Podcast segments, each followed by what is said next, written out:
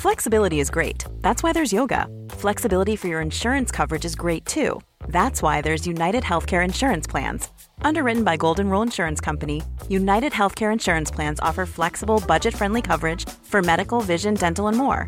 One of these plans may be right for you if you're, say, between jobs, coming off your parents' plan, turning a side hustle into a full hustle, or even missed open enrollment. Want more flexibility? Find out more about United Healthcare Insurance Plans at uh1.com.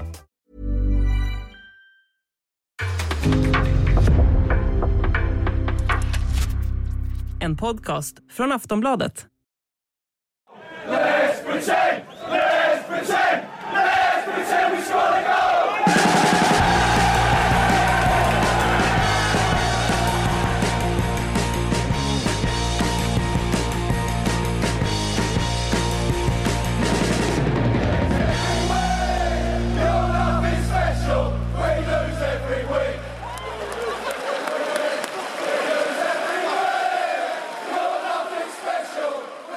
Sportbladets Premier League-podd. Vi har en eh, fullmatad igen vecka att se tillbaks på, eller helg. Vi har en match kvar som inte har spelats, Crystal Palace mot, eh, mot Arsenal som eh, kan spetsa till det här lite eh, till eftersom eh, Tottenham tog en storseger.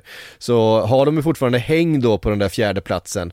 Eh, nu verkar det som även Chelsea blandar sig in i kampen om fjärdeplatsen efter att ha haft den eh, tredjeplatsen i, som är en liten ask under eh, stora delar av den här säsongen.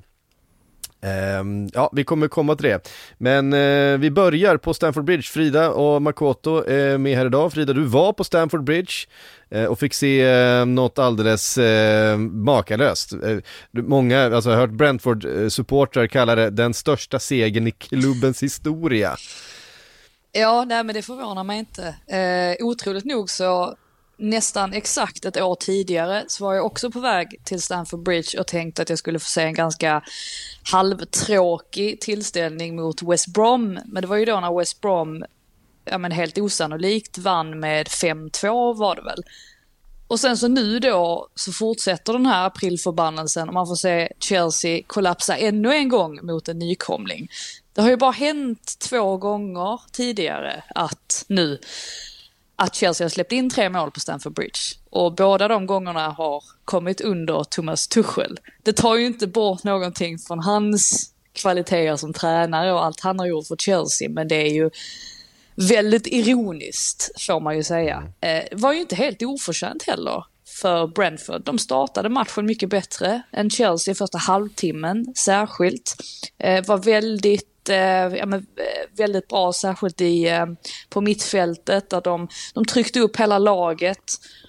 Och eh, såg verkligen till att stressa fram misstag hela tiden och Marcus Alonso startade ju, Rich James fick komma in sen eh, i andra halvleken men Alonso är ju för långsam och Timo Werner kommer vi säkert också mer in på. Jag har till och med gjort en lista den här veckan på tre spelare som frustrerar mig något oerhört. Eh, Jag, jag tror att ni kan räkna ut allihopa egentligen men jag kan avslöja att Timo Werner, han finns med på den. Ja, Han, det, det, det händer liksom inte riktigt för honom. Och Nej, det då när. Nej, och Brentford kunde ju då kontrollera matchen centralt genom Eriksen och Nörgård och Janelt. Men sen så kom ju Chelsea tillbaka de, in i matchen. De tryckte, tryckte tillbaka Brentford lite mer mot slutet av första halvleken. Men, men de kan inte ha varit nöjda i paus. Alltså så mycket kan man säga. Det de var nöjda med var väl att det fortfarande stod 0-0 på tavlan och det var ju det viktigaste.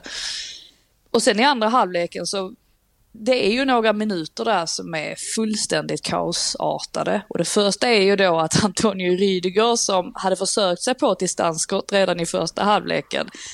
Han testar igen och den här gången så blir det ju verkligen ett sånt där avslut som, ja men han kan ju inte tro sina ögon själv, det kunde ju ingen annan heller. Han sprang runt som en Ja, men eh, som att han liksom inte visste var han skulle ta vägen och rusade sedan rakt ut till Tuchel och kastade sig i famnen på honom. Jag tror säkert att supportrar började tänka att nu kommer Rydiger stanna och de kommer hålla ihop och allting.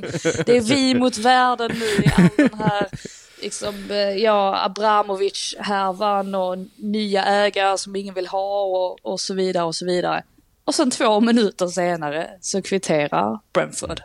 Och, ja, och det var ju där det började. Det var ju där det började. Nej, det är en helt sanslös träff han får Rydiger från typ 30 meter. Alltså som en projektil bara, och så stolpe in. Man, Han, han har ju också försökt det där ganska många gånger. Ja, jo, absolut, men, men det fråntar inte nej, nej, nej, nej. Eh, att det är ett eh, helt magiskt fotbollsmål. Det är helt fantastiskt skott. Men sen är det det här att det som vi har hyllat Chelsea för är ju deras defensiv, att de är solida, att systemet är liksom på plats. Eh, Thiago Silva, Rydiger, Kanté, alltså du vet. Men det där 1-1 målet, det är inte många gånger man säger men, men Kanté står och tittar boll. Vad håller han på med? Jag tycker han står felplacerad för där vinner ju Brentford bollen precis i den ytan där man liksom inte vinner boll mot Chelsea därför att Kanté alltid är där. Eh, det är precis det som händer, han står fem meter därifrån och hamnar helt fel in i situationen.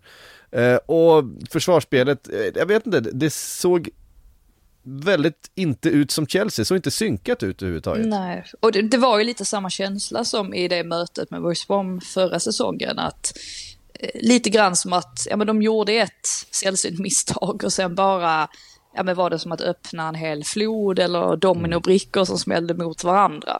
Och Brentfords andra mål, det är ju en sån här särskilt utsökt omställning där Mbuemo och Eriksen hamnar två mot en då med Kanté. Och eh, ja, och sen så gör de det väldigt enkelt där med Mbuemo, att han bara spelar in bollen till Eriksen och sen så har man utökat. Det, det gick ju väldigt lätt och sen så sjabblar ju försvaret till det själv där mot slutet när Wissa fastställer slutresultatet till 4-1. Det är ju också en sån där aspekt eller en sekvens som man inte brukar se hos Chelsea speciellt ofta. Men just där, därför så blir det ju enklare också att liksom när de mötte West Brom, att tänka att det här är något sorts freak resultat som inte kommer återupprepas. Jag menar de har en hyfsat viktig match mot Real Madrid här i veckan. Mm -hmm. De kan ju inte stå, stå och göra sådana här misstag då. Det lär de ju inte göra heller. Det känns ju som precis som att det här är exakt som den här West Bromwich-matchen på något sätt. Du har till att börja med, det var väl Robinson som gjorde massa mål från precis ingenstans där va, i den matchen, har jag för mig. Och nu var det Janelt som bara dyker upp från, från ingenstans. Ja, Vitali Janelt är ju inte ett namn vi har eh, nämnt jätteofta i den här podden. Jag tror kanske att det är första gången. Eh, men eh, han är ju väldigt viktig för det här eh, Brentford och kom för, jag jag hörde någonstans, det finns, en, det finns en ramsa om att han köptes för eh, 10p and now he's a bee. Eh, alltså, eh, jag tror han köptes, köptes för otroligt lite pengar, han var typ reservspelare i Bochum. Eh, och kom in och är nu liksom, ja, en eh, helt given del i, i Brentford som ju kommer rädda nytt, nytt Premier League-kontrakt. Ja, du, du fastslår det? Ja, det, det, det slår jag fast. Okay, ja. Eh. Men sen är det ju, det är ju Christian Eriksson här som mm. är skillnaden ja. också. För att det var inte så länge sedan som vi tittade på Bramford och tänkte att oj, de saknar ändå lite kreativitet och därmed stabilitet i laget. Men han har ju verkligen infört det just det här i han länkar upp mellan backlinje och anfall och att han kan slå de här passningarna ja. som inte alla spelare kan slå. Och så är det inte så konstigt att Thomas Frank redan pratar om att de vill förlänga kontraktet med honom. Och jag hoppas ju att Eriksson faktiskt blir kvar för mm. att Ja men lite det där också att återgälda Brentford för att de de tog ju verkligen chansen här och trodde på honom. Och det har ju än så länge fallit väldigt väl ut, sett till då att han presterar på den höga nivån han gör här, men också att han ju faktiskt är tillbaka i danska landslaget och gör mål där också. Det är ju en, det är en riktig, eh, ja, men ett riktigt, riktigt, eh, riktigt sagoslut på hela den här historien då som tog sin början förra sommaren, om man säger så. Men låt, om Eriksen blir kvar, jag hoppas också att han verkligen blir kvar och att de lägger till då, säkra kontraktet, lägger till en två, tre bra spelare. Vem vet vad det kan bära med det här laget? För uppenbarligen så är det ju just så att Eriksen var den saknade länken som, som har fått dem att fungera igen och vi får se hur länge det håller. Det här var ju ett jättestyrkebesked oavsett om det var ett jag, ett, jag tror det är bara liksom snedsteg mitt i alltihopa för Chelsea. Jag tror inte det är någon match man ska dra allt för stora växlar ur, ur ett Chelsea-perspektiv. Men man kan dra desto mer växlar för Brentford jag, jag måste säga att jag ja. hoppas för Chelsea skull att de är tillbaka med en trebackslinje mot, eh, mot Real Madrid. För det är där jag tycker att de har sett som allra bäst ut. Eh, för Thiago Silva, för eh, Rydiger och, och, och, så vidare. Jag tror att eh, det passar dem bättre. Mm. Ehm, speciellt med tanke på de ytterbackar man har. Som, Ja, men nu, nu är ju liksom Reece James, alltså jag antar att man liksom har velat matcha in honom lite lätt sådär i och med att han drog sig ur landslaget och så. Man vill inte, ja, man vill inte, ja men helt enkelt inte riskera att han ska dra på sig en ny skada. Någonting annat som var intressant, jag vet inte om ni såg det, att eh, Bell Silva som ju är så oerhört frispråkig, att hon gick ut på sociala medier och var oerhört upprörd över att någon kommentator, jag vet inte ens om hon menade på Chelsea TV eller om det var i sändningen, eh, som hade påstått då att Thiago Silva inte såg ut, ja men inte riktigt var sig själv och att han såg, eh, ja men trög och ut och sådär, att han inte klev upp tillräckligt mycket eller vad det nu var kanske inte heller så, det ligger ändå någonting i den kritiken hon levererar där att ja men Thiago Silva är ingen maskin, han är inte 20 år längre, han kan inte först vara iväg med landslaget och spela en massa matcher och sen så komma tillbaka och så ska han fortsätta spela matcher. Eh, jag kan ändå förstå lite mm. grann vad hon, mm. vad hon menar för att vi, vi säger jag, men Chelsea har förlitat sig väldigt mycket på Thiago Silva under en ganska lång tid nu. Så honom måste man ju faktiskt vara rädd om. Och jag förstår att Tuchel alltid vill spela honom, men ja, just nu är han kanske lite sliten då. Det här hade ju kanske varit en match att faktiskt, eh, lätt att sitta här med fast i hand och säga det, men där man skulle kanske vilat honom och spelat någon annan mittback också med tanke på att Madrid-matchen väntar här nu till, till veckan. Men oavsett, ja de roterade ju lite på, ja, att Timo Werner startar är ju rotation idag för Chelsea. Ruben Loftus-Cheek in också i startelvan och lite sånt. Men oavsett vad de noterar, i alla fall mer än Real Madrid som slängde in varenda människa rakt från flyget från Brasilien, rakt in i startelvan och spelade 90 minuter. Så att de lär i alla fall vara i bättre fysisk form än vad Madrid är till alltså, onsdagens match. Ja, men frågan är med Werner, med Werner ändå, alltså det han, eh, ja, jag vet inte vad man ska göra åt honom riktigt. Han, eh, han, ger, han ger ingenting i nuläget. Alltså han, han känns lite för lätt. Alltså det, det är för lätt att hålla honom, eh, ja, att tygla honom så att säga. Han är inte, eh, ah, jag vet det som ändå såg hyfsat lovande ut för inte all för länge sedan. Jag tycker inte riktigt att man ser det längre. Det är ju inte bra för, inte bra för hans del om man säger så. Jag vet, det har man varit inne på förut att det är ändå alarmerande eller jag känner i alla fall det, hur lite de offensiva krafterna har fått ut under Tuchel, hur hur han inte har fått igång dem. Och vi pratar Werner, vi pratar Romelu Lukaku.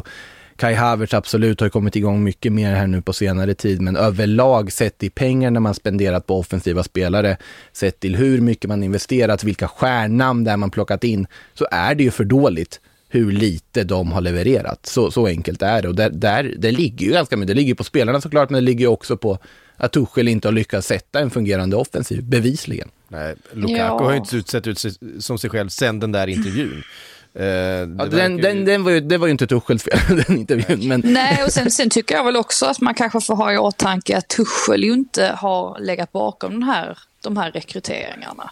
Jag kan tänka mig när Chelsea plockade in Lukaku, så som jag har förstått det så var ju inte Tuchel drivande i den frågan.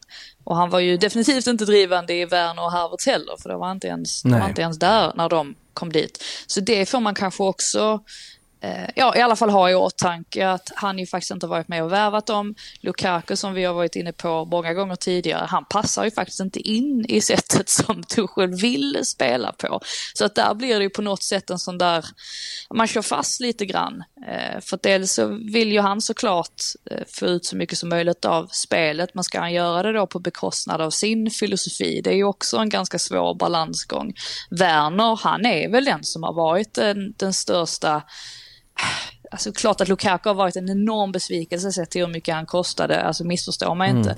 Men Werner trodde man ju också väldigt mycket på. Ja. Eh, när han kom och man trodde i alla fall att han var en betydligt bättre målskytt än han, var ju, han ju faktiskt är. Han är ju ingen striker. Eh, ja, nej alltså han är ju ingen striker så, men han gör ju inte så många mål överlag egentligen. Eh, så att, nej, de, eh, som sagt, de har kört fast lite grann, men de får väl se till att studsa tillbaka här eh, men så snabbt Sen får vi se, hur mycket tror du Frida att det som händer runt omkring påverkar Chelsea? Eh, det var eh, protester, det eh, pratas fortfarande om den här Ricketts-familjen som verkar sitta i någon slags förarsäte mm. när det kommer till förhandlingarna efter vad, vad man har hört, i alla fall läckts så från, från de andra budgivarna att eh, när Ricketts-familjen ska premieras i de här förhandlingarna och det har ju, och det sa ju Tuchel också att supporterna har rätt att protestera.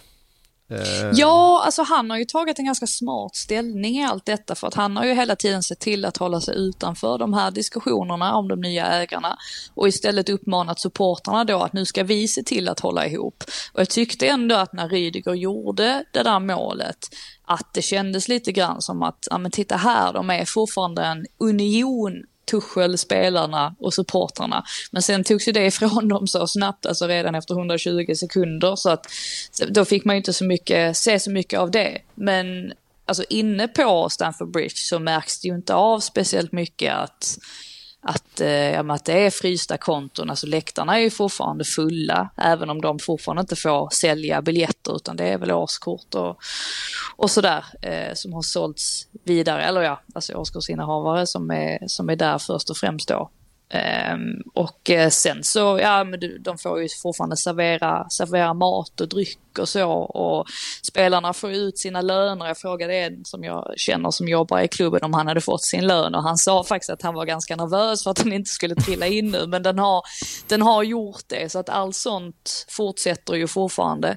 Så jag tror väl inte att det påverkar dem, alltså de spelarna det påverkar är ju säkert de som sitter på utgående kontrakt och måste bestämma sig för vad som ska ske och självklart spelare i akademin och sådär som kanske också är ute efter, efter ett eh, kontrakt. Men i övrigt så tror jag nog att de är ganska duktiga ändå på att bara fokusera på fotbollen och det är ju det enda de kan göra i det här läget. Tacksamt för dem att den där eh, Aspi-klausulen verkar ha tickat in då, att han spelar antalet ja. matcher så att hans kontrakt förlängdes. Tuchel bekräftar ju mer eller mindre också att han verkar bli kvar nu och det är såklart viktigt att någon av alla, alltså kontraktsutgående backar blir kvar. Också just Aspelikueten som är lagkapten och allt hur viktig han är. Sen, sen så jag vet jag sa att man ska dra för stora växlar av förlusten i sig och det tycker jag väl inte heller att det rinner ifrån och så vidare. Och Brent, det är snarare Brentford som gör en fantastisk andra halvlek. Men jag kan inte släppa faktumet att Chelsea med materialet de har, oavsett vad som pågår utanför planen, det är inte bra nog tycker jag, alltså resultaten de gör med den truppen och med den satsningen de har gjort. Det är lite upp till bevis i den här Champions League eh, våren som väntar här nu för att jag tycker man kan kalla den här säsongen relativt misslyckad om, om det skulle bli respass redan mot Real Madrid. Ja, misslyckad, men så tittar man på tabellen och så ligger de ändå trea på 59 poäng och är en match mindre spelad då än lagen runt omkring. Det är ganska otroligt ändå och är fortfarande kvar i Champions League och har har, eh, ja och FA-cupen och allting. Det är ändå ganska imponerande att de trots allting som har hänt den här senaste tiden och också den här perioden de var inne i under vintern, mycket på grund av att Chilwell och James skadade sig såklart. Mm. Och sen så alla problemen då med Lukaku också får man väl ändå säga i ja, med allt, allt som har skett där runt omkring. På så vis är jag nästan förvånad över att de fortfarande ligger trea. Så att ja, man kan, ju, man kan vrida och vända på det där också. Mm. Men det är klart, de var ju ute efter att de skulle skulle slåss om eh, titeln och jag var själv inne på att ja, men de kan ta hem det här och det hade jag nog hållit fast vid om det var så att alltså James och Chilwell, om de hade fått, fått hålla sig skadefria och allting hade liksom fått lunka på runt omkring klubben. Men det är ju rätt så mycket som har hänt också, mm. eh, får man ju komma ihåg. Arsenal bara två poäng upp om de vinner sin hängmatch. Eller ja, nej, vad blir oh, två poäng upp ja. Nej men det är det vi ska, det är det vi ska komma till här nu. Eh, för att, Såg eh, att Martin, Martin Keon, han, han trodde att Arsenal skulle ta sig förbi Chelsea och hamna trea så att Chelsea kniper den fjär, eh, sista fjärdeplatsen. Det är inte otänkbart. Det är inte otänkbart. Nej, de har ju eh, på något sätt blandats i en, en fjär, jag tror inte att både Spurs och Arsenal tar sig förbi Chelsea. Eh, det, det förefaller högst osannolikt. Eh, så att jag tror att de är rätt så lugna ändå. Men eh, Arsenal, om de vinner båda sina hängmatcher man har på Spurs eh, och den man har på, på Chelsea, de spelar ju ikväll. Eh, så sitter de ju fortfarande i eh, pole position för att lösa Champions League-plats eh, till nästa säsong, det tycker jag. Eh, men som sagt, man måste vinna sina hängmatcher också. Eh, inte minst eh, kommer vi Nu prata låter om... det som, låter det som Lampard. Ja, men alltså, det är ju framför- är bra om man vinner dem. Ja, det, det är ju... Han har ju all anledning att säga det där nere. Han har ju verkligen all anledning. Men vi kommer, vi kommer till Everton, vi ska prata Spurs eh, mot Newcastle. Du var där också Frida. Herregud Ja. vilken fin helg du har haft. Ja, Eh, fantastiskt det var ju jämnt i början, första halvlek var ju, kändes väldigt oviss skulle jag säga. Sen så bara Mm. small det till och så rann, rann Spurs ifrån och så plötsligt stod det 5-1 och så undrar man vad fan var det som hände. Ja, det, ja men precis. Det var ju, var ju lite den känslan. Eh, Newcastle låg ju väldigt bra i sina positioner under första halvleken, vilket gjorde det ganska svårt för Tottenham att bryta ner dem, så de kom inte till så många lägen. Eh, och sen så får ju Fabian Schär då, då slår han till med den frisparken och så står det 1-0 och sen så har man har Tottenham lite flyt att de får in den där kvitteringen precis innan halvtid så att man ändå kan gå ut i omklädningsrummet och, och känna att, eh, att man inte ligger, ligger efter i alla fall. Eh, och gå ut på lika villkor. Och sen så går Newcastle ut i andra halvlek och jag tycker att de nästan är lite för naiva i det här att de verkligen går för det. För att de kände väl att ja, men vi var med i matchen under hela första halvleken så nu ska vi verkligen se till att försöka få med oss alla tre poäng. Och det kan man inte riktigt göra mot Tottenham idag för att Antonio Conte har verkligen fått ordning på det systemet och eh, se till att offensiven är så pass effektiv med Harry Kane som droppar ner så fint och har så många spelare att leverera bollen till, inte minst eh, Son och Kulusevski som ju både kan ta emot bollen, felvända med ryggen mot mål och göra sin gubbe alternativt komma på löpningar som särskilt Kulusevski gjorde väldigt ofta i, i andra halvleken när han löpte längs högerkanten och sen så vinklade Kane bara fram bollen till honom. Det var ju så Sons mål kom till bland annat. Och det är oerhört svårt att försvara sig mot och det blev Newcastle ganska snabbt, snabbt, eh, snabbt varse om också. Så det är ju därför siffrorna Siffrorna rinner iväg, men eh, jag beskrev det som att Tottenham har knäckt koden lite grann under Conte och tycker att det är ganska ofattbart ändå att det var inte så länge sedan Conte stod och sa att han, det var ju nästan som att han hade packat väskorna och ville dra därifrån för att han tyckte att materialet var alldeles för odugligt och att de aldrig skulle kunna nå upp till den nivån som han kräver. Men där är de faktiskt nu och Conte hyllade ju såklart Kulusevski och Bentancur återigen på presskonferensen och sa att de två spelarna har gjort jättestor skillnad. Men det är ju Harry Kane som är navet i allt det här. Och att ha en sån spelare, alltså Conte måste ju vara, ah, han måste ju vara oerhört tacksam och sa ju just det där också att jag hoppas att vi två kommer få jobba ihop under en väldigt lång tid. Eh, vi får väl se om det blir så. Alltså, ja, och den här matchen också, i styrkebesked, så att han inte ens säger målprotokollet när de gör fem mål.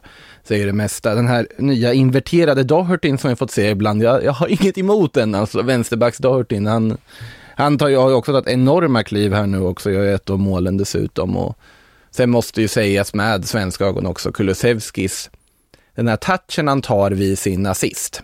Vilken enormt hög nivå den håller, att bara i en touch få perfekt riktning på den löpningen och sen bara slå tempot. den passningen. Ah, det, Det, det där är, men det där är ju precis det som är Kulusevskis eh, adelsmärke. Mm. Att han behåller tempo i allt han gör. Det blir inte, det stannar inte av. Han är Mm. inte världens snabbaste. Det är inte det som handlar om det, utan men han har tempot. Han, han är så kvick i huvudet och han är så ehm, liksom beslutsam med det han gör att, att eh, han blir jättesvår att spela mot. För att eh, det blir aldrig den där lilla tvekan, eh, utan han, bara, han håller tempot upp hela tiden. Det ser man också i, i det som sen blir eh, Emerson Royals mål va? ja, han fick också ett mål.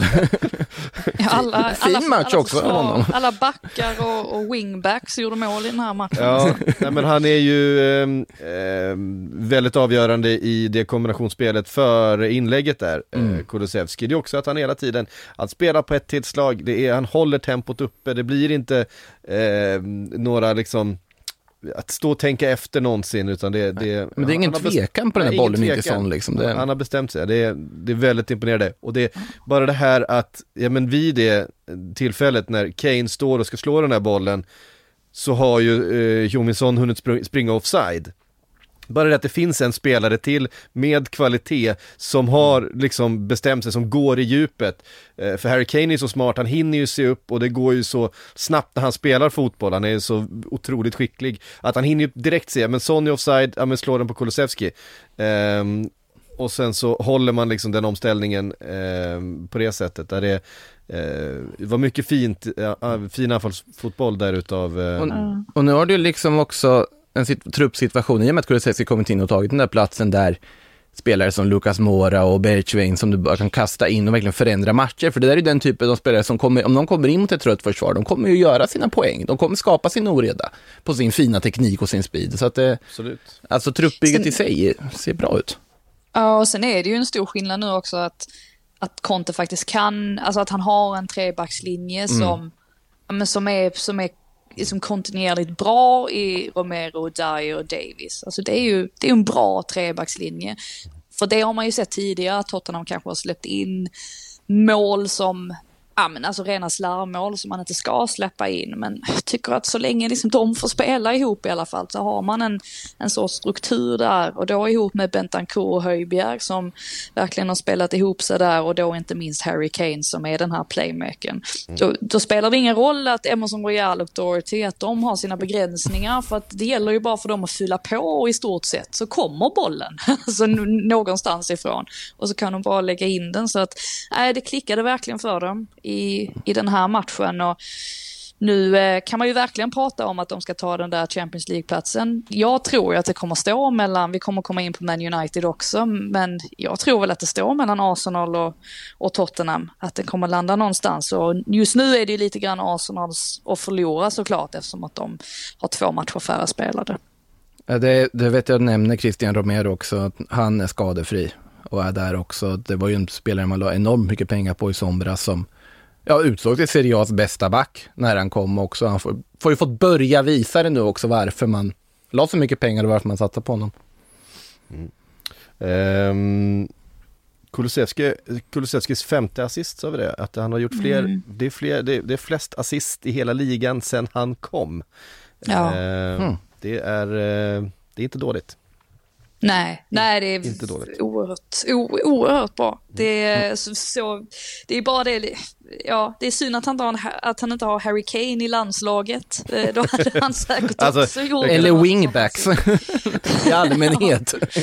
Ja, det, det går inte riktigt att, eh, det går inte riktigt att jämföra. Eh, Självfallet så kommer han få flera assist i Tottenham när man har sådana spelare kring sig jämfört med att ha, i, i- inget ont om, ja men vilka är det, Kristoffer Olsson och eh, Quaison och- och, Ekdal. Det är ju inte riktigt samma nivå ändå. Det är få spelare som är på den nivån som Harry Kane är på just nu. Det är också att han behöver inte spela högerytter i ett 4-4-2 i, eh, i Tottenham. Det kan ju vara den där eh, 4-4-2an som är problemet också. Det, den, den man han, använder spelar, han, Juventus spelar väl ändå också. främst, han spelar väl ändå främst i anfallet.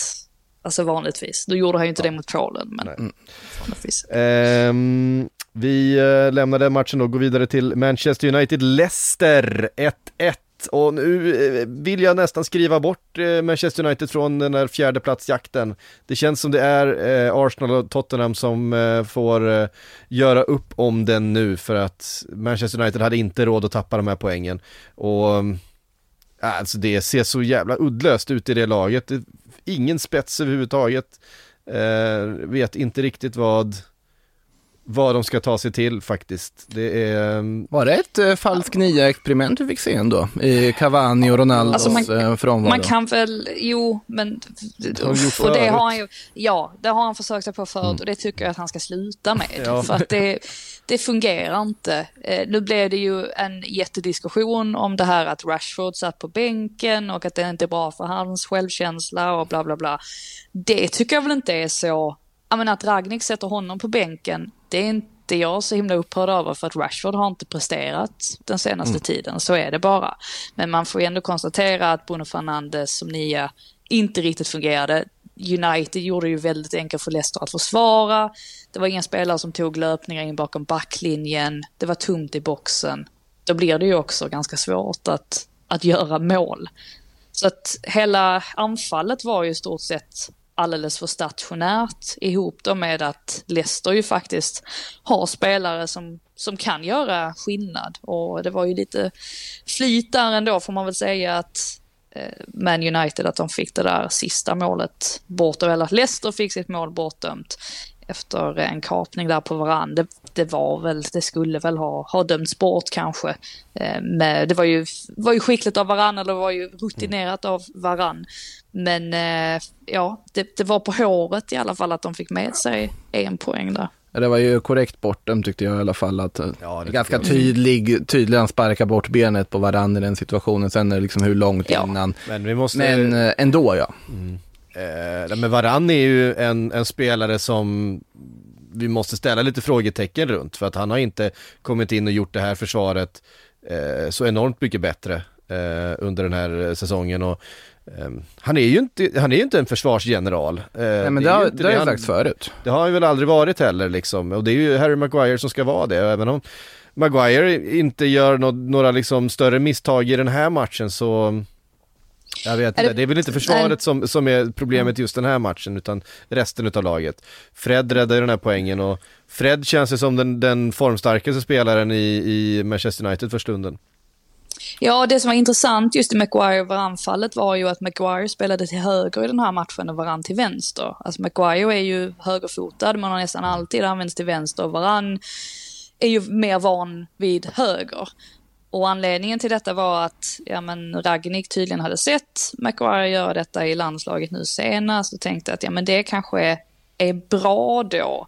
Sett till att ja, men det blir ett lite större överraskningsmoment när han då väl kliver fram. Alltså det, det stör motståndaren lite mer att han kan lägga bollen på sin högerfot då som är hans mest bekväma fot. Och sett i McGuires insats så tyckte jag väl ändå att det var ett ganska smart drag. För att han har ju haft en tuff vecka nu här. Det har diskuterats väldigt mycket om hur folk buade på Wembley eh, mm. i samband med landskampen, vilket ju är jättekonstigt för att han har ju varit rakt igenom bra i landslaget. Alltså han har ju riktigt aldrig, aldrig riktigt gjort bort sig i de stora, i de stora matcherna och turneringarna och definitivt inte i EM förra sommaren så att på så vis så var det ju en ganska konstig timing att bua ut någon. Och sen i den här matchen så buades han ju ut konstant också eftersom att ja men det var Leicester. Och Leicester har ju någon grej där att de borde ju egentligen inte bua ut Maguire för att han finansierat hela deras ja, inbringade hur mycket pengar som helst till dem. Men de buar ju ut, de buar ut Chilwell också, och Mares och vem det än är som står på andra sidan. Så att det var väl inte så konstigt samtidigt som då Man United-fansen försökte väga upp för det genom att ja, men nästan var så här överdrivet, eh, överdrivet eh, positiva varje gång Maguire ens rörde bollen. Så att det, var, det var en konstig balansgång där. Tuff vecka för Maguire, men det var väl skönt för honom att det i alla fall såg hyfsat stabilt ut. Men samtidigt då Varann, ja men han kanske inte kände sig jättebekväm med att spela till, spela till vänster så att ja, lite, lite sådär eh, ja, ett dilemma där får man väl ändå säga. Men, ja, det, Ragnik har fler problem än, än eh, backlinjen i, i United, så mycket kan man ju konstatera. Mm. Men det där med Varann är ju också att det märkte man varje gång han spelade Real Madrid utan Sergio Ramos så var det ju hönsgård. Det hade ju såklart till stor del av hur viktig Sergio Ramos var i det Real Madrid när han, när han var där, men det har ju också att göra med att Rafael Varane aldrig egentligen visat eller aldrig behövt vara den ledande figuren som styr. Eder Militao var en yr höna när han kom till Real Madrid med Varane bredvid sig. Det gick liksom inte. Eh, Militao som har tagit jättestora kliv därefter eh, i Varans frånvaro.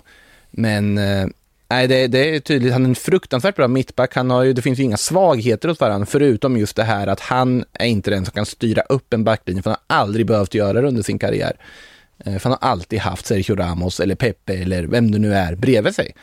Och då blir det ju konstigt att han hamnar i den här situationen och då blir det svårt. Och det, borde man ju, det såg man ju på något sätt hända samtidigt som man ändå tänkte att ja, men det kanske det Harry Maguire behövde var just en fruktansvärt bra mittback bredvid sig.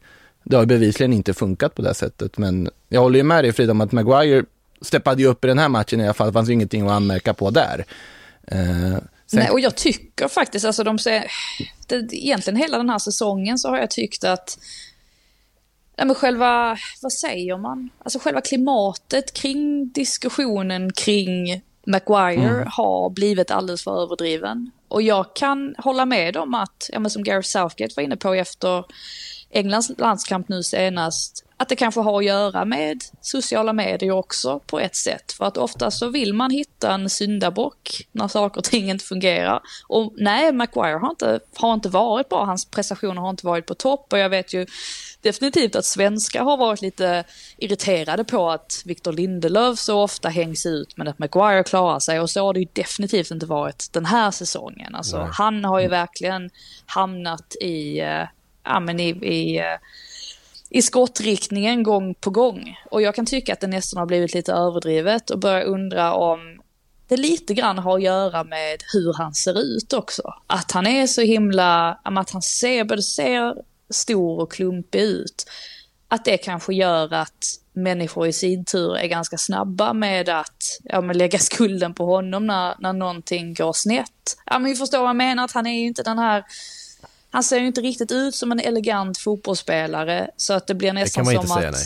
Nej, så att det blir så som att folk sitter och väntar på att han ska göra ett misstag så att de kan lägga skulden på honom gång på gång. Men försvarsspelet har ju inte fungerat på, alltså i någon lagdel i United. Alltså det har vi ju pratat om så många gånger att, att motståndartränare nästan ofta har lyft fram hur dåliga de är i, press, alltså i första pressen jämfört med hur dåliga de är i försvarslinjen. Så att, ja, det, nej, Maguire har inte varit bra den här säsongen. Men det är hyfsat många spelare i United som inte har varit det. Och ändå så är det Maguire som, ju, eftersom att han bär lagkaptensbindeln också, har fått agera syndabock. Det är, alltså, det är ju kaptensbindel, det är prislapp och det är just det du säger att alltså han, när han gör ett misstag så ser det ju så otroligt mycket mer alltså klumpigt och komiskt ut. Det är Ja, ju, det, det är, det är ju så det är.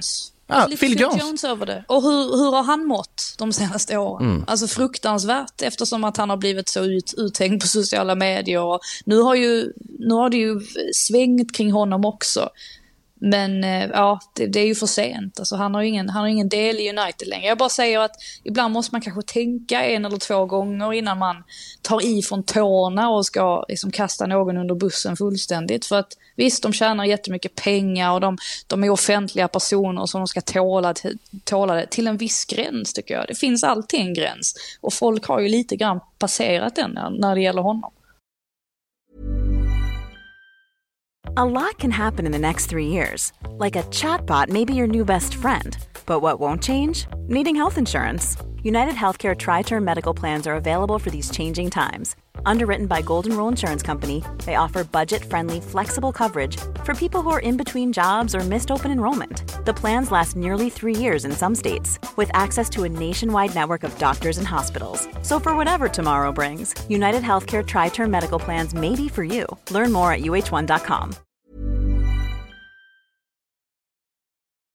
Som sagt, Manchester United nu då på eh, 51 poäng efter 30 spelade matcher och det är klart att man är bara eh, tre poäng bakom Spurs då, eh, som just nu ligger på fjärde platsen med, med lika många spelade matcher. Men eh, det är ju inte Spurs man behöver nå för att eh, eh, Arsenal också på 54 poäng då, precis som Spurs med två matcher mindre spelade. Eh, så att om Arsenal då vinner sina två hängmatcher så eh, har man ett försprång på 6 poäng ner till, eh, till eh, Spurs och 9 poäng då ner till eh, Manchester United. Så att eh, det börjar se lite, det börjar se, se lite, lite eh, svettigt ut faktiskt om den där Champions League-platsen och med tanke på hur spelet ser ut så är det ju definitivt fördel eh, Arsenal och Spurs som ju Har är i form. Jag har ju hyfsat tufft, eh, ja, nu möter de i och för sig Everton här i nästa, nästa match. För det kan man väl inte, och Norwich därefter, det kan man inte direkt kalla tuffa motstånd. Men sen Nej, men är det ju sen ändå Liverpool. Liverpool Arsenal, eh, ja, Brentford, Brighton, men Mm. Men- Chelsea. Att ha Arsenal kvar är ju positivt i och för sig. Ja, alltså Det- där, där, där ja. kan man ju göra något för det, det är ju Arsenal som ska liksom jaga sig ikapp. Bortaplan dock. Bortaplan dock och jag menar jag håller ju i dagsläget Arsenal som stor favorit i den matchen. Eh, det känns ju ehm, Ja. som, ett, som ett mycket mer formstarkt lag. Varje för- toppmöte lever sitt eget liv. Så Ja men så, att så är det ju.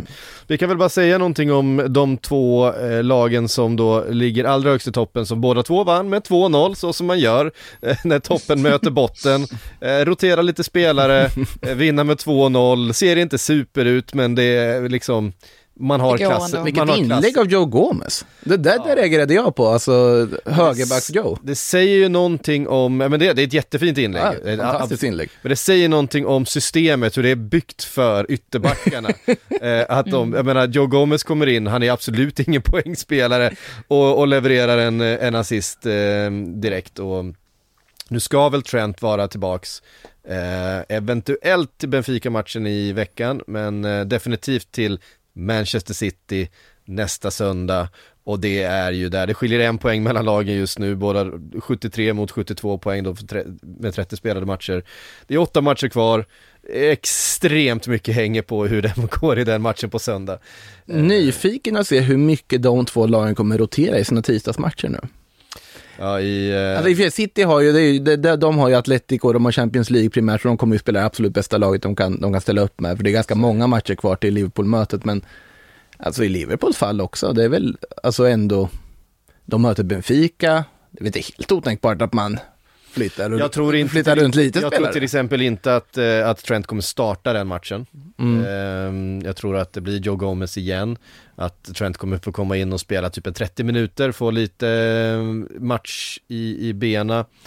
Eh, vi såg ju också att det roterades på, på mittfältet. Fabinho startade ju inte den här matchen. Han kom in och fick 30 minuter. Han tror jag kommer starta mot Benf- Sadio Mané vilades här, Sadio Mané- Luis Diaz vilades. Det finns hyfsat många spelare om man säger så Ja, i, eh, ja. i den truppen. Och sen var det ju eh, Så är det. Eh, Thiago såg ju, han var ju, även om eh, Ja. stora delar av laget såg lite, lite sådär, ja men tillbaks från landslagsuppehåll och lite trubbigt ut och det var lite rotation.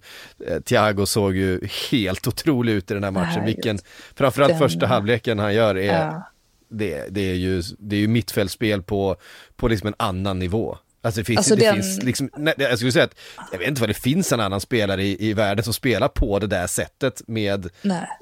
alltså det, det är Såg, helt såg, du, såg du Pedri mot. Sevilla igår? Ja, men- ja Pedri är ju, är ju Om man pratar just nu, liksom. fantastisk fotbollsspelare. Ehm, Ja. ja. det, ja, Men, men det är den passen han slår till, den passen han slår till Curtis Jones, alltså som skär igenom allt, inklusive Mm. rakt igenom tre motståndare, den är ju, ja men det går, det går inte ens att förstå hur en spelare kan slå den typen av pass. Det är ju så hög nivå så att man, man ryser i hela kroppen av välbehag och så kan han ju, så kan han ju se ut. ja. Han gjorde det, det ju, så- han gjorde det precis före landslagsuppehållet också i den ehm, passningen fram till Jota va, som gav eh, Mm. målet mot, jag har glömt bort vilka det var, eh, de mötte. Eh, men ja, en eh, otrolig form, synd att den passningen gick fram till Curtis Jones som ser ut att vara i hysteriskt dålig form eh, efter en fin inledning på säsongen. Han, han eh, jag vet inte, det var, det var länge sedan man såg honom från hans bästa sida.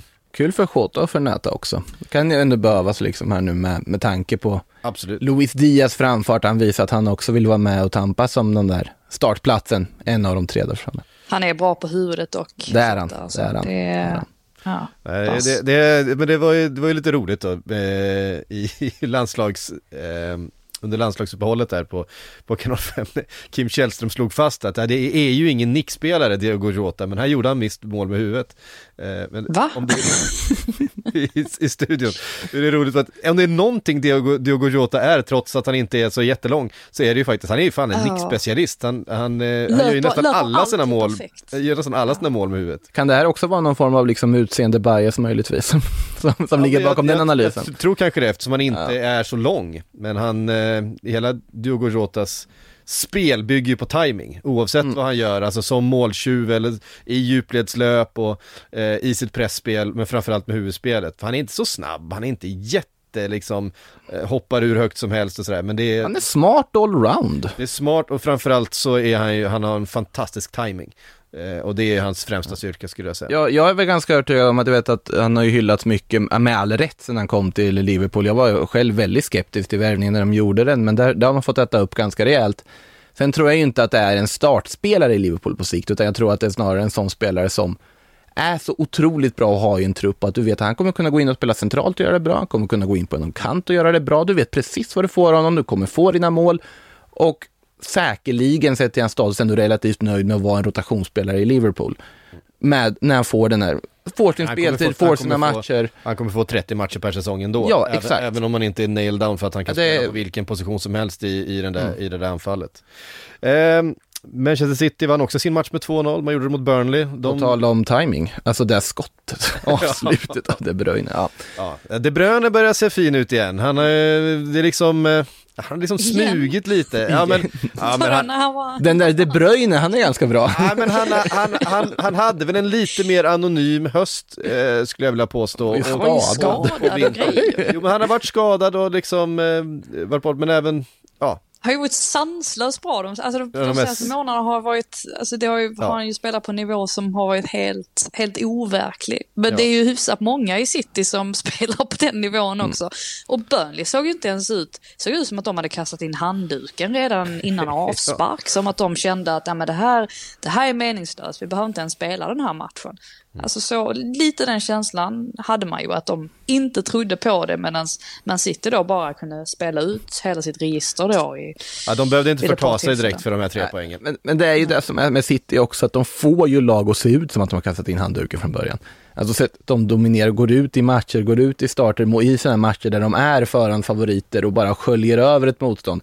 De får, De borde ju, ja, men Burnley borde väl ändå ha varit lite optimistiska efter Palace eh, poäng där och känt att ja, men det går, det går Ja, men om man det- har en bra dag. ja och så får du inte röra bollen första tio minuterna, hur kul är det? det, det blir, alltså, det alltså City- är ju så pass liksom bra på det där att få lag att bara ge upp efter tio minuter. Men det är och det ju- är ju för att de är så fruktansvärt bra. Det är ju svårt, man har 23% av bollinnehavet som Burnley hade i den här matchen. Och om det är något lag som vara bekväma med det så är det Burnley. ja, ja men alltså. De har ju faktiskt inte sett bekväma ut i, alltså riktigt på samma sätt den här säsongen. Mm. Jämfört med förra säsongen eller för, föregående säsonger. Det här med att de alltid har, ja men lägger rätt i position och sådär. De har inte riktigt, eh, riktigt gjort det nu. Vilket ju är lite oroväckande då eftersom att de ju fortfarande slåss i, i botten givetvis. Och måste se till att, jag kanske inte tar poäng mot eh, City men de har ju förlorat en faslig massa matcher nu. Vad är det, fyra förluster i rad här. Så att, det, ja, det är inte bra. Nej, Nej och eh, Watford och Burnley som sagt mötte, eh, de är ju där nere i, på nedflyttningsplats och, och krigar för sin överlevnad. Eh, det var väl kanske inte den här helgen som de skulle ta sina poäng då mot Manchester City och Liverpool. Eh, Ja, Burnley hade visserligen hemmaplan då, men Watford på bortaplan. Eh, Burnley har dock två stycken hängmatcher kvar, eh, precis som Everton då på 28 spelade matcher bara. Eh, och det tänkte jag skulle leda oss in på Everton, därför att de här två lagen möts ju på onsdag i den här hängmatchen. Och det är, det bara osar ångest. ångest. av det här alltså. Det är, det är fruktansvärt. Just Vad nu- väljer man? Chelsea, Real Madrid eller Everton, Burnley? Det är... Ja, det är en Befogad kommer nog fråga. si- sitta där med, med Everton Burnley, eh, känner jag på mig. Det skiljer fyra poäng mellan lagen just nu. Eh, ungefär samma målskillnad. Eh, vinner Burnley den här matchen, då är man en poäng bakom. Eh, och då är, då är eh, Everton på riktigt indragna i en nedflyttningsstrid eh, som jag faktiskt kan se dem förlora. Ehm, Ja, de att- hittar ju ständigt nya sätt att förlora på. ju, så att det är, och de lyckas alltid dra på sig röda kort, vad är det med dem? Eh, nu gör man, alltså igen tycker jag eh, att den här matchen mot mot, eh, mot West Ham, att de ser helt okej ut. De är en jättebra första halvlek. Ja. Håller med tycker jag. Eh, jag menar, det är West Ham borta, det är en jättesvår match. West Ham är i fin form, eh, på pappret, liksom, eh, och kanske också ett bättre lag än Everton, även om Everton har ett mycket bättre lag på pappret än vad tabellplaceringen ger sken av. Men så är det liksom, ja men så skruvar Cresswell in den här fantastiska frisparken. Eh, det studsar lite fel för dem. Calvert Lewin får ett eh, superläge som man drar precis över. Eller fall det är Richarlison som får det. Eh, Richarlison hade ett. De, de brände Ja. ju lägen båda två, om vi säger så. De har inte riktigt, inte mycket självförtroende på de två stjärnanfallarna just nu. Jag vet inte Ja, men sen så, sen så gör de ju inte det tillräckligt enkelt heller. Alltså ibland sitter man och tänker att man bara slår den enkla passningen, bara upp det. Richarlison står ju helt fri där, bara ge honom bollen. Men det är som att de övertänker allting. Och det är ju typiskt för ett lag som helt saknar självförtroende. Att de inte litar på sin egen förmåga. Och sen så, eh, tvåan på min lista över helgens mest frustrerade spelare eh, fanns ju i den här matchen också. Ja, jag är så, tr- jag är så trött. Jag är så trött på honom. det här med, ja men när han gör den där, när han drar på sig det andra gula kortet i duellen med Antonio. Han, han känner ju direkt, han vet direkt om att han kommer att åka ur. Och det där är så, det, det, är bara så, det är bara så dumt att gå in i en situation på det sättet när man vet om att man måste, att man måste jaga, man precis släppt in ett mål, man får inte göra det svårare för sitt lag än man redan har det. Då bestämmer han för sig för att göra, göra en sån typ av satsning. Och det gör ju han ganska, han gör ju ganska ofta sådana där dumma grejer som kostar dem poäng. Alltså om det är liksom slappa självmål eller ja, vad det nu än är. Alltså han har, hans utveckling har ju gått alltså, så otroligt mycket bakåt. Tänk, det var inte så länge sedan vi pratade om honom som en framtida storback och han skulle vara ett namn för eh, engelska landslaget och, och det ena med det tredje. Mm. Alltså det har ju inte alls blivit någonting av det. Det är bara så, eh, det, mittbackar brukar ju bli bättre med erfarenhet men han har definitivt inte blivit det. Nej, nu möter han ju sitt gamla Burnley då. det gör han, ju inte bevisligen nu. Nej just det, det gör han inte för att han... det, blir, det, blir, det blir Jeremina istället va? det, ja, det, kanske är, det kanske är bra för Everton Mest okompatibla spelar spelaren du kan hitta i ligan till en ångestmatch i bottenstrid. Ja. Jeremina mot Wout Weghorst, vilken duell. uh, ja, det, det, det är fruktansvärt och det, det ba, jag tror väl dock att han är skadad, va, Jeremina? Alltså, ja, det, det, var väl, det var väl tur för Everton, höll jag på att säga. Men, ja, jag tror att han eh, fortfarande är skadad, så då blir det väl Holgate och... Godfrey i mitten, va? Holgate oh. och Godfrey, ja det är ju inte ett mittbackspar man vill hänga upp en eh, Okej, okay, kanske inte så tur att på. Jeremina är skadad då. Han kanske hade behövt den då. Jag tror att, jag tror att Jeremina hade behövt som det. Uh, det, det ser inte bra ut och sen, de har ju inte fått någon struktur med uh, Frank Lampard heller. Alltså, uh, det är inte den, det är inte den krisdoktorn som kan gå in och bara sätta ett försvar. Eh, för att det ser rörigt ut och det ser inte ut som de har självförtroende. Och, eh, vad, vad, var det, vad var det Allardyce gjorde när han tog över West Brom? Var det inte när de mötte Liverpool som han bara ställde hela gänget Ja, men hela ja, ja. gänget stod på egen planhalva. Jajamän, och, och bara vänta. Liksom ja, de förlorar väl den, var det Liverpool-matchen? Det var det va? De, de, var väldigt nära på att ändå ta de, en poäng väl?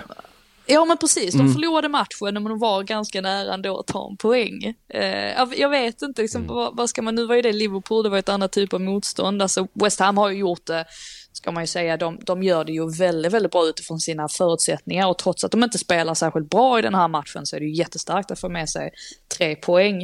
Eh, men ja, vad vill man egentligen ha av en krisdoktor? Vill man, vill man köra sådär rådefensivt eller ändå försöka liksom spela. Jag, jag, jag, tycker det är så svårt att lägga över skulden på Lampard också. Jag vet inte riktigt vad det är som... Alltså deras bortafacit har ju varit fruktansvärt under nästan hela säsongen. Eh, lite bättre på hemmaplan dock så att ja, de har väl chansen här i nästa, nästa omgång då. Måste, måste ju säga någonting här om också om att Adele Alli sitter på bänken här nu, kommer inte ens in. Donny van de Beek blev skadad där på uppvärmningen ja, och det känns ju som ett ypperligt läge att ge Dele Alli sin första start, försöka spela in. Vi vet ju alla vilken kvalitet han egentligen kan besitta när man tar in Holgate på mittfältet istället. Eh, det är en signal som man skickar tydligt på att du duger inte att spela. Det är en spelare du värvade, ja, som Lampard plockade in, som Lampard pratade med för att plocka in i sista sekunden av deadline day, precis när han har tagit över. En spelare som skulle komma in och få en nytändning och också hjälpa Everton att få en nytändning har inte uttag spelats in. Sen, ska det, sen vet man inte alla detaljer, man vet inte hur usel han har varit på träning och så vidare, men det är underligt, det är anmärkningsvärt i alla fall, tycker jag. Hur... Alltså det är ju det är främst oroväckande för Dele Alli. Jo, jo, jo, så är det ju. Så framförallt oroväckande för Dele Alli också, men... Uh... Vad ska hända med hans karriär nu, undrar man ju. Oh. Också med tanke på att han är lossköpt av Everton. Det är inte heller att det är ett lån där han kan gå tillbaka till Tottenham och försöka hitta sig själv igen, utan nu är tillhör han ju Everton. Mm. Det är nog inte mycket av de där klausulerna i alla fall. Nej. Um, är det är väldigt, uh, väldigt oklart det hela. Säger något om eh, West Ham också som uh, tar en stark, stark trea här. Um, Jared Bowen, vi, vi, har nämnt Cresswells fantastiska frispark. Eh, det går inte att säga så mycket om. Jag vet det var någon som var ute och, och eh, det var väl kommentatorn eh, som ville lasta Pickford för den men... Men Alltså, det där, återigen, då, då kommer vi på utseendefronten igen, för jag måste ju säga att det såg ju fruktansvärt roligt ut när Pickford skulle slänga sig. Man, han såg ju så kort ut när han skulle slänga sig i den situationen. Han gör ju det och han är ju det, men den, den, går inte att lasta den, honom. den, den frisparken är det ingen som tar, skulle jag säga. Om du inte, om du inte har tjuvat i, i murens hörn, då måste, du, då måste du ha tagit ett par kliv åt det hållet och försökt läsa den. Eh, och släppt ditt eget hörn då som målvakt och då riskerar man ju att göra bort sig Men- på det sättet. Med risk att hoppa lite här, men av nyfikenhet, för det var en situation jag känner att det, den borde man inte lastas för. Det är målet som Joris släpper in, det är målet som Newcastle gjorde.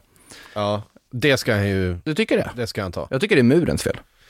Ja, det kan vara murens Ja, fel men den går ju, han ser ju men den går så pass nära honom att Son hoppar iväg, det är ingen som flyttar på spelare, sen kanske Joris ska liksom säga till dem mer, flytta på den här liksom armadan av Everton-spelare. Inte en Newcastle-spelare super, som- super tavla men, eh, men Nej. det, är ju, det går inte att jämföra med eh, Pickford mot Cresswell. Eh, Jag, jag, jag måste ändå säga att ibland så tycker jag att, alltså när ni, ni nämner någonting så här som man har snackat om i Sverige eller under den, den svenska kommenteringen, så kan ni ibland nämna grejer som man inte alls har nämnt här. Alltså man inte ens för en sekund har tänkt på det. Och en sån grej är ju, det är ingen som har lastat Pickford för, Nej, och för det, det det, det var inte det, det var, det var, det var en- inte, det var någon som bara nämnde det. Men Såg du en tweet? Nej, jag tror att det var kommentatorn som var inne på eh, eventuellt eh, kunde gjort bättre på den, men det, ja, nej, det, det är ju det är ju en 5 plus frispark. Ja, ja, Det ja. går inte att säga någonting den annat. är ju den är ju helt otagbar. bra. Mm. Helt otagbar. Och Jared Bowen i målprotokollet igen. Eh, är nu typ 8 plus 8 eller någonting den här säsongen. Okej, sist. Eh, ja, han gör ju en jättefin säsong och han, han är bra. Han, han är bra, helt enkelt. Han är, han är bra.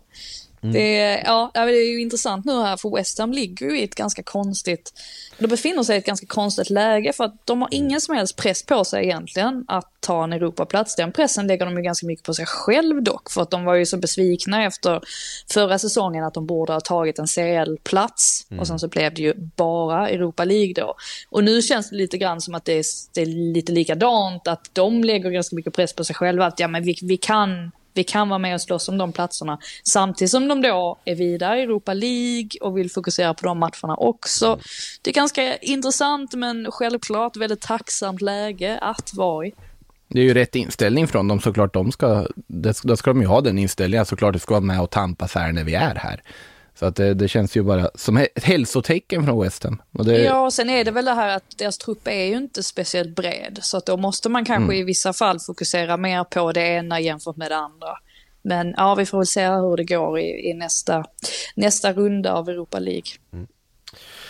Ehm, ett, la- ett, en match som utspelade sig i mitten utav tabellen eh, får vi verkligen säga var den mellan eh, Wolves och Aston Villa. 2-1 till Wolves. Ah, ja, vad ska vi säga om den? Ja, men att Villa försatte sig ju i en, i jobbig sits väldigt tidigt in i matchen. Fantastiskt självmål av Ashley Young. Det är, det är ju det är som en, en glidande språngskalle rätt upp i krysset. Eh, men det, det är ju roligt med, eh, med Jobbigt, roliga eh, självmål. Jobbigt läge, det var faktiskt hans första självmål för övrigt i PL. Han har ju spelat Jaha. hyfsat många Oj. matcher ändå.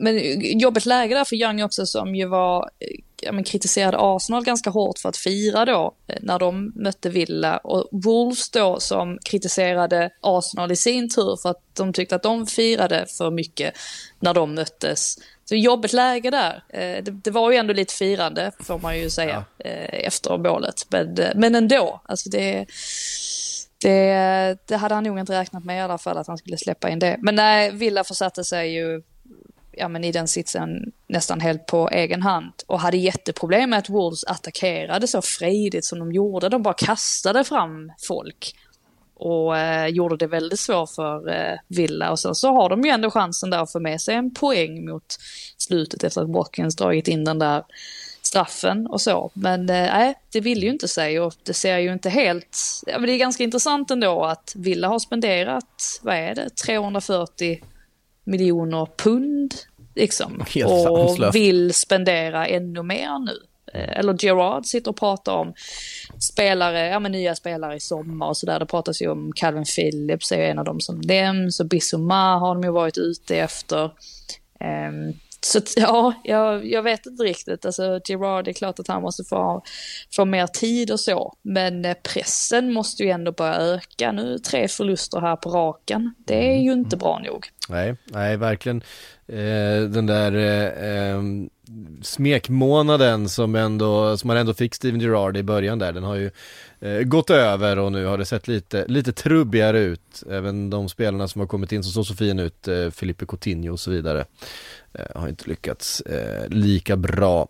Eh, Också någonstans på mitten hittar vi Leeds Southampton. Ja, Leeds har vi väl dragit in i den där bottenstriden eh, till och från, men eh, eh med det nya amerikanska styret va? Ja. ja, alltså man börjar ju skratta varje gång han öppnar munnen. Alltså det är, man kan inte hjälpa det. Jag, jag gillar Jesse Marsh jättemycket. Han verkar vara en, en väldigt reko person. Men det blir som konstig kontrast där han ska köra sin postmatch interview och han kör på det här väldigt amerikanska sättet med We showed a lot of confidence today. Alltså att han har ju en helt annan, helt annan stuns i det han säger jämfört med de lite mer lågmälda britterna. Så att, ja, han, han kämpar på. Så att säga. Nej, det är roligt. Ja, men Leeds, Leeds är ju såklart eh, fortfarande eh, inte ute ur eh, skogen, eller ska man säga, de är inte helt ute ur eh, eh, diskussionen om nedflyttning, men de har ju en de har ju fler poäng än de andra har där nere så att Bra, bra analys. det är ett, det är ett bra utgångsläge. Det är, det är ju inte svårare än så. Blytung analys. De har också eh, en match mer spelad än till exempel eh, eller tre matcher mer spelade ska jag säga än eh, till exempel Everton då som ligger fem poäng bakom. Men återigen, hängmatcherna ska Är det ju vinnas det? också. Häng- Det är det vi ska... Nu, nu möts ju Everton och Burnley i eh, de där hängmatchen eh, så att eh, båda två kommer ju inte ta tre poäng så att säga. Så att, Har, du- har du nu- tänkt på det psyk, psyk att du är väldigt mycket vår stats guy. Du är sån här som, du, du tar en titt på, eh, på tabellen och spelschema och sådär och sen så bara avgör du så här. Så är du så självsäker i det du säger liksom att, nej men de, de klarar sig kvar. De klarar sig kvar. Och så sådär, nej men de åker ur, de åker ur. Jag, jag är så imponerad bara. Ja. Jag känner Nej, inte men- själv att jag har det självförtroendet. Att jag kan göra det. nej men du vet, jag är en, jag är en vit, vit medelålders mellanchef det, finns ingen, det finns ingen kategori människor med högre självförtroende än, än den jag befinner mig i. Det Det- det- Någonting, någonting man kan säga om den här matchen var ju att det var en liten landslagsduell då. Alltså, dels så har ju Leeds både fått tillbaka Cooper och Calvin Phillips nu som kom in, vilket ju är skönt för dem. Så det här blev ju en landslagsduell mellan Phillips då och Ward Prowse som ju gjorde ännu ett frisparksmål. Många frisparksmål den alltså, här men han helgen. gör ju, det är ju han gör alltid det. hans, hans, hans, hans högerfot är ju det är ju Europas bästa. Jag kan inte, jag kan inte se någon som har en bättre, som har en På, bättre på liggande boll. ja, på, lig, på liggande boll ja. Ja, eh, alltså han är en av världens absolut bästa frisparksskyttar, det är ingen snack om saken. men Problemet med Ward Prowse är väl att han inte har så jättemycket mer, alltså han är ju fortfarande Nu en bra får du spelare. Southampton-supportrarna på dig kan jag Han säga. har ju fortfarande, men alltså han är inte tillräckligt bra för att eh, räknas i den absolut högsta hyllan. Men, Nej, det är han ju inte. Nej, men jag tycker han är tillräckligt bra för att vara med i snacket om landslagstruppen. Absolut, Phillips varit- absolut, Nu har tycker varit skadad här ganska lång tid. Phillips gör betydligt färre mål i klubblagssammanhang jämfört med Ward Prowse. Jag tror inte han har gjort mer än ett mål och sen har han en handfull assist eller sådär och där är ju Ward Prowse mycket, mycket bättre. Sen har ju Phillips en helt annan roll i landslaget där, han, där det snarare är Declan Rice som blir lite mer sittande och sen så trycker Phillips ofta upp lite högre. Så att där finns ju en viss skillnad men eh, jag tycker absolut att Ward Prowse, så fortsätter han så här, kör bara ner huvudet och, och bara kör så har han en, eh, ändå en chans att komma med i, eh, i truppen till Qatar. Det, det tror jag nog. Han har alltså redan hunnit fylla 27. Ward Prowse. Ja, herregud. Ja, mm. Men eh, nej, han är, det är en, eh, det är, en det är ett makalöst tillslag han har. Just Ah. att, han kan, att han kan slå bollen på alla sätt. Han kan gå full vrist från 35 meter, har vi sett honom göra den här säsongen. Han kan, han kan knorra den över muren, han kan eh, dra den med, med kraft i målvaktens hörn. Och, Eh, och det gör ju att han får ett övertag, för målvakten kan aldrig tjuva åt något håll, för han vet att eh, det finns ju många frisparksskyttar där man vet att ja, men den här bollen kommer försöka kn- knorras över muren, för det är så den här frisparksskytten gör. Eh, men med eh, Ward Prowse har du ingen aning. Han kan också slå den helt platt med en konstig bollbana om han eh, skulle få för sig det. Ja, På, på alltså stilla, stilla liggande boll är han ju alldeles makalös. Sen, sen, ja, såklart, det var lite hårt så att han inte kan så mycket annat. Han kan ju naturligtvis ganska mycket. Han har varit väldigt bra den här säsongen. Ja, det har han varit. Det har han onekligen varit. Ehm, ehm, nej men det är en, det, det är alltid, det blir ju alltid sådär och sen så, att man har det vapnet gör ju också att motståndarna blir nervösa runt eget straffområde för man vill inte släppa till den där frisparken. Eh, för det är en, eh, det är målchans varje gång. Det är ett eh, otroligt viktigt vapen. Ehm, ah, Brighton Norwich 0-0 snark. Ja, Nej, men- det- men här, du- du- kan ni, nej men nu måste jag ju säga, kan ni gissa då vem som är överst på min lista över spelarna som var mest Är frustrerande? i? Mopé? Mopé. Ja, det var inte, det var inte svårt. Det var inte svårt att sätta honom... Han, har, han, är väl, han, är, han är väl den mest frustrerande spelaren, eh, period, de senaste tre säsongerna i Ja, men Premier nu, League. nu, är det, nu är det slut. Nu är det slut. Nu får det vara, nu får det vara bra. Gör du slut med Mopé nu? Eh, Ja, men nu, nu går det inte längre. Det går inte. Eh, alltså jag är, jag är full av beundran över att Brighton-supportrarna, det var inte som att de buade ut honom eller så när, när han plockades av, utan de försökte liksom, ja men, sjunga lite, sjunga lite mod i honom eh, på något sätt, för att han var ju fullständigt slagen alltså. Det, det var ju inte bara den här missade straffen som man drar liksom 10 meter över ribban, utan det var, eh, ja men alltså hur många skott hade, eller hur många avslut hade det Brighton på mål? De hade väl en 30 målchanser eller någonting sånt. Det här är ju en sån match de verkligen, verkligen, verkligen, verkligen skulle ha vunnit. Och eh, visst, vi säger det varenda vecka att de inte gör lika många mål som, alltså om man tittar på expected goals, men det är ju helt häpnadsväckande. De har alltså gjort, jag tror det är 26 mål de har gjort och så har de 40 expected goals. Alltså det är det största, det är det största gapet av alla lag. Alltså det är ju en sån oerhörd siffra. Vad ska, vad ska Graham Potter göra åt det? Alltså det är inte så mycket att det är, inte, det är inte så mycket egentligen han kan göra mer än att hålla tummarna för att klubben köper en ordentlig målskytt till nästa säsong. För att förlita sig på Nirmo Pay, det kan man inte. Och det visste vi ju redan. Men ja, nu fick vi ännu ett kvitto på det. 3,05 i XG den här matchen. 31-6 i skott. Eh, 11-2 i hörner. Till och, med, eh, till och med Dean Smith sa efteråt och var så här. Ja, den här matchen kommer ju liksom inte visas först på Match of the Day. Nej, nej det, det, det sa de också. Det blir väl en sista plats om de ens får plats i körschemat. Eh, lite så. Eh, Alltså- 0-0. Ja. 17-4 i skott innanför straffområdet. Eh, De har alltså 17 avslut innanför straffområdet. Och 0-0. Kan, man kan inte se det som att det var ett fint eh, trendbrott efter väldigt många förluster i rad där. Båda lagen hade väl sex raka förluster. Viktig pinne på så vis. Men eh, det, i Brightons fall, i det här fallet, kanske man inte ser det som en vunnen poäng direkt ändå. Nej, alltså Norwich förtjänade ju inte segern och det sa ju Dean Smith också att äh, hade vi fått in ett mål där på slutet så hade det inte varit, alltså vi, ja, vi hade ju inte förtjänat de tre poängen. Men eh, Brighton, nej, det, det är samma visa eh, varenda vecka. Det är, eh, ja, och vad, vad ska de göra egentligen? De kan ju inte värva någon nu liksom. Det är, ja, och är ju inte, är ju inte direkt villiga att värva heller. Alltså allt för, allt för dyra spelare så att det är lite grann av en rävsax man sitter i där. Ben Brereton i Blackburn till sommaren. Vad säger ni om det? Det hade inte varit helt dumt. Nej. Sen är jag ju eh, satt och diskuterade med en kollega igår på Tottenham Stadium för att vi pratade just om Graham Potter och han hade inte koll på att Potter hade varit en massa år i, i Sverige för att han frågade lite grann om ja, men Jan Andersson och hans ställning nu och så sa jag att ja det är nog ganska många svenskar som vill få bort Jan Andersson men han verkar sitta kvar. Alltså att det svenska förbundet gärna vill behålla honom eh, alltså väldigt mycket längre. Och sa då att ja, jag tror att det är ganska många som hade velat se Graham Potter som förbundskapten. Eh, och så sa jag, men det finns ju ingen chans. Då var det ju större chans att han går till en, till en annan Premier League-klubb. Och började tänka lite grann att Leicester vore ju egentligen the perfect match för honom. Om man tänker att Brendan Rodgers kanske känner att han har gjort sitt. Han har varit där ganska länge nu och vill ha en annan utmaning. Skulle inte Potter till Leicester? Det, hade vore väl inte så dumt ändå. Ja, det känns som ett rimligt steg och det känns som ett Ja. realistiskt steg. faktiskt. Ja, verkligen. Frågan är vad, vad Brennan Rodgers ska göra.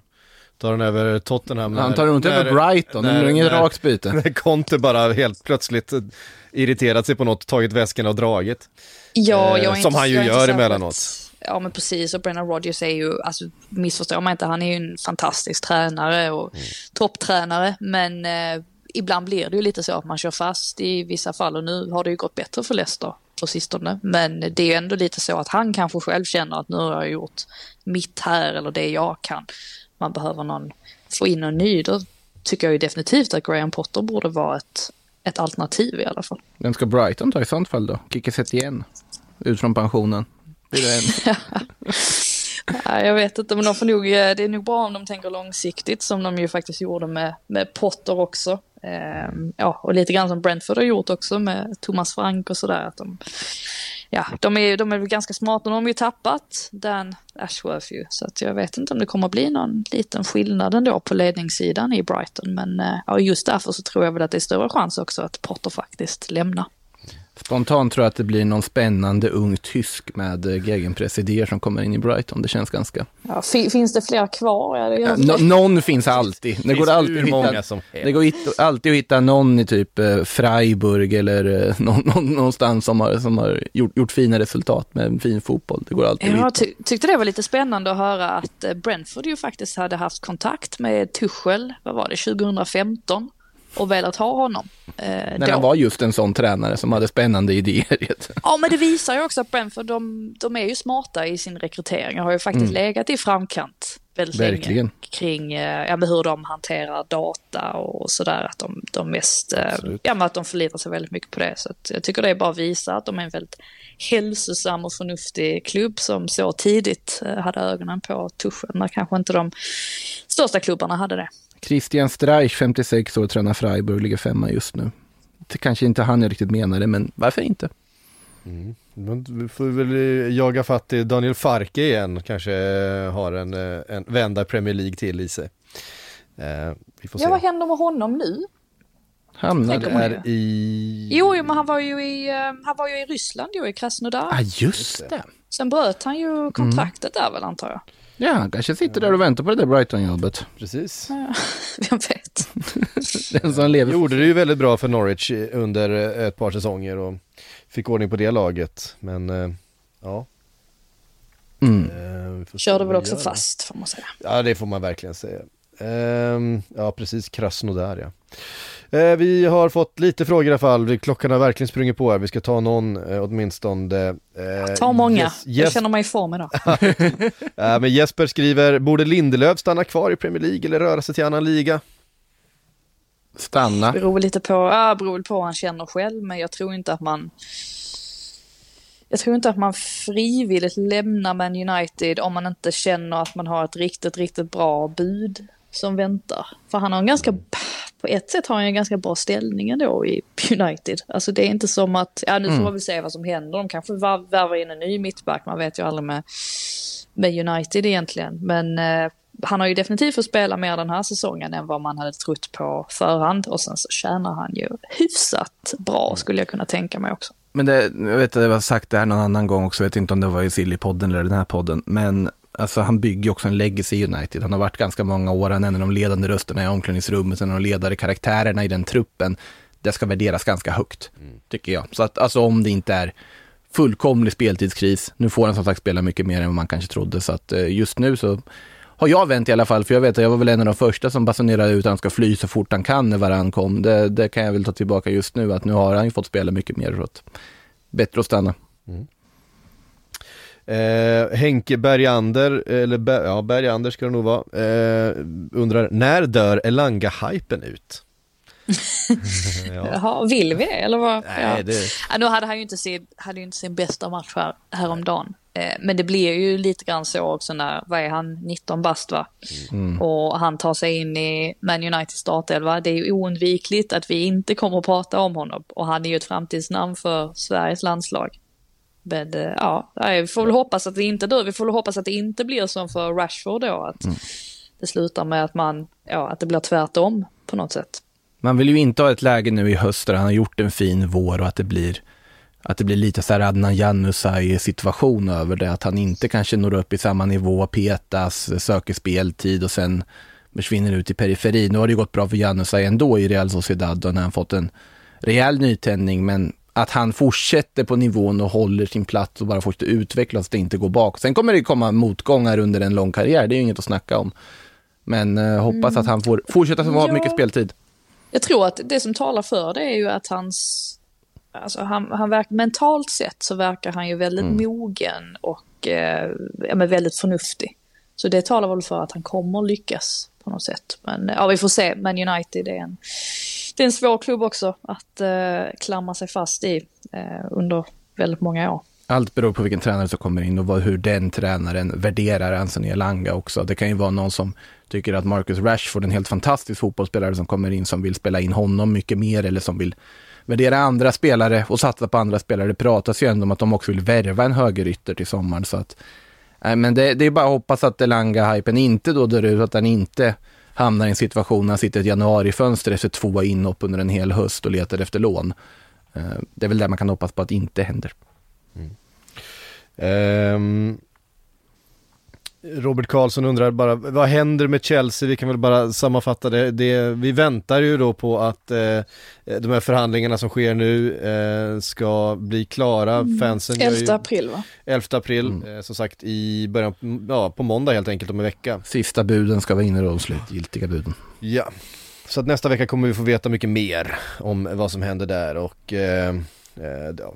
Det som har läckt har ju sa- sagt att det pekar mot att Ricketts ligger bra till i budet som de har lagt och det har gjort fansen oroliga för att det är inte ägaren som de vill se.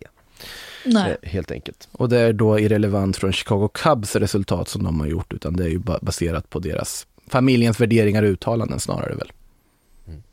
Det var en liten demonstration också inför matchen. Eh, det är ett gäng supportrar som hade samlats för att protestera mot detta. Vi får väl se om det har samma effekt som det hade i, eh, i Super League-haveriet där. Eh, När de ju faktiskt, ja men när supportrarna ändå lyckades göra sina röster hörda. Får väl se om Ja, jag- har samma effekt. Vad här gången. tycker Ricketts om Super League?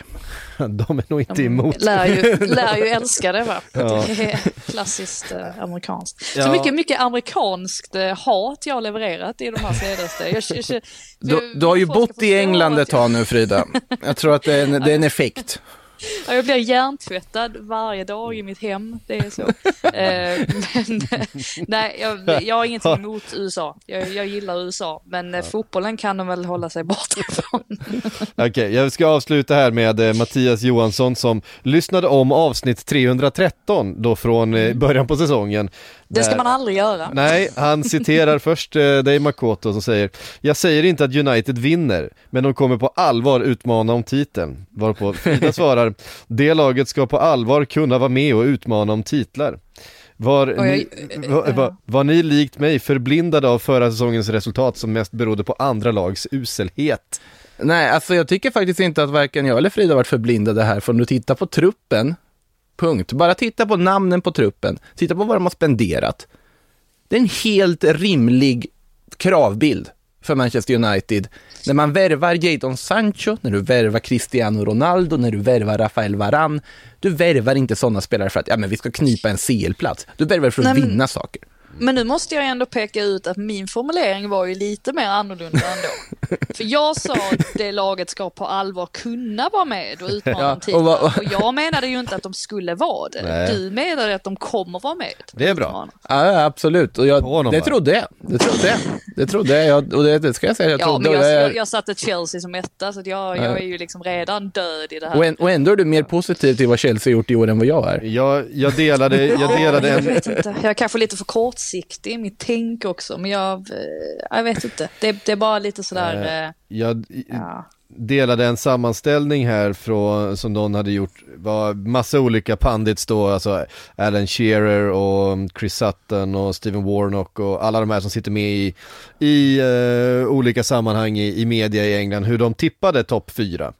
Och det var intressant att av dem, jag ska se här, en, två, tre, fyra, fem, sex, sju, ja, men typ 20 stycken som är med på listan, så har alltså ingen har Liverpool på, på första plats, tre har Liverpool på andra plats. Eh, Ingen har Arsenal topp fyra överhuvudtaget. Ehm, Nej, nej, alltså jag, jag tror Men- jag hade Liverpool på fjärde plats. Så att, Ja, det är det vanligaste eh, som folk har stått på. Och det är ju eh, Chelsea, det är framförallt Manchester City som, som folk har som, eh, som favorit och sen är det Chelsea. Eh, nästan alla har Chelsea, Manchester City 1 och 2 i någon ordning. Men så här är det ju också med tabelltips. Jag vet jag tippade i Arsenal femma och alla skrattade åt mig och tyckte att jag var helt ute och cyklade. Där, där fick man ju rätt. Samtidigt tippade man United som tvåa och där var man ju också helt ute och cyklade. För min del. Men det är ju... Men, ja, det, det är ju lite det där också att vi vet ju aldrig vad som händer under en säsong. Alltså, Nej, så är det ju. Liverpool, nu är de, nu har de fått uh, ha van Dijk skadefri eh, under en hel säsong. Ja, men då, då ser ju deras försvar mycket mer stabilt ut. Och då kommer de vara, och sen så har de fått in Luis Diaz också. Ja, men Mm. d- då ligger de ju där uppe. Så, klart slut. Och sen så Chelsea då, två väldigt tunga skador ganska tidigt in på säsongen.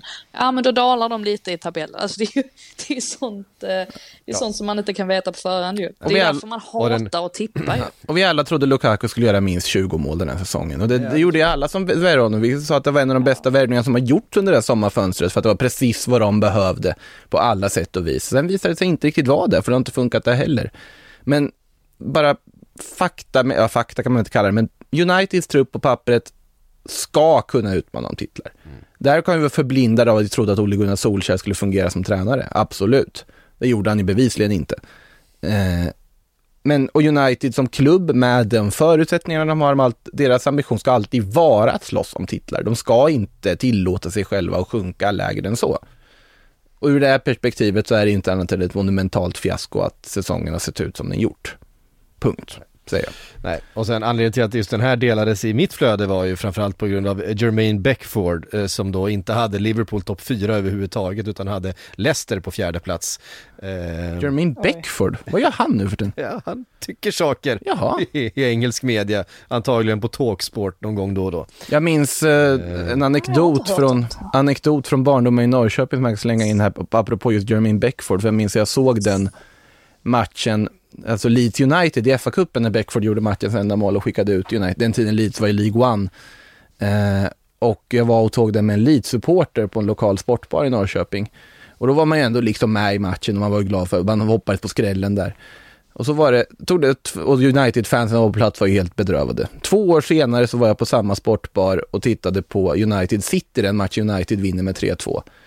Och jättespännande match. Och då kommer någon United-supporter jag aldrig sett förut. Bara, ja, där får du din jävla Leeds-supporter. Kommer han. Han har då minns att jag har suttit där på den där baren två år tidigare och suttit och varit glad för att Leeds vann en match. Så då var jag plötsligt en Leeds-supporter tydligen. Det var, det var väldigt intressant i alla fall. Det är du och Olof Lund. Jag är ingen Leeds-supporter. Men, men det var en väldigt rolig anekdot i alla fall. Ja. Jag minnes det. Var. Så får det, det- får runda av eh, veckans avsnitt. Ehm, nästa vecka så kommer jag inte vara här, då får ni klara er utan mig. Då är jag på, på påsklov och ehm, Va? Tar man sånt Ja, när man är vuxen? även om man har tre barn som eh, alla måste vara lediga från skolan så får man ju eh, göra någonting med Som, dem. me- som mellanchef. Precis. Eh, men eh, så att ni får, ni får ta hand om den där eh, Manchester City-Liverpool-matchen helt utan, eh, helt utan min inblandning. Det ser jag fram emot att lyssna på. Kanske är bra, lite mer objektivt då ju. Ja, exakt. Ja, just det, den matchen. Ja, det blir mycket mer objektivt. Eh, precis. Eh, men eh, från mig så är vi, vi hörs om ett par veckor. Sen är det ju faktiskt sån här eh, annandag påsk där, eh, måndagen efter, så vi kommer på tisdagen, kan vi väl brasklappa redan nu, eh, veckan efter det. Men sen ska Ja, just det. Du, du är ledig på röda dagar också. Jag är också ledig ledig på röda dagar. Ja, just det. Sånt, Eh, sånt finns också i din kalender. Ja. Eh, men det, så ligger det till i alla fall. Eh, härifrån säger vi på återhörande.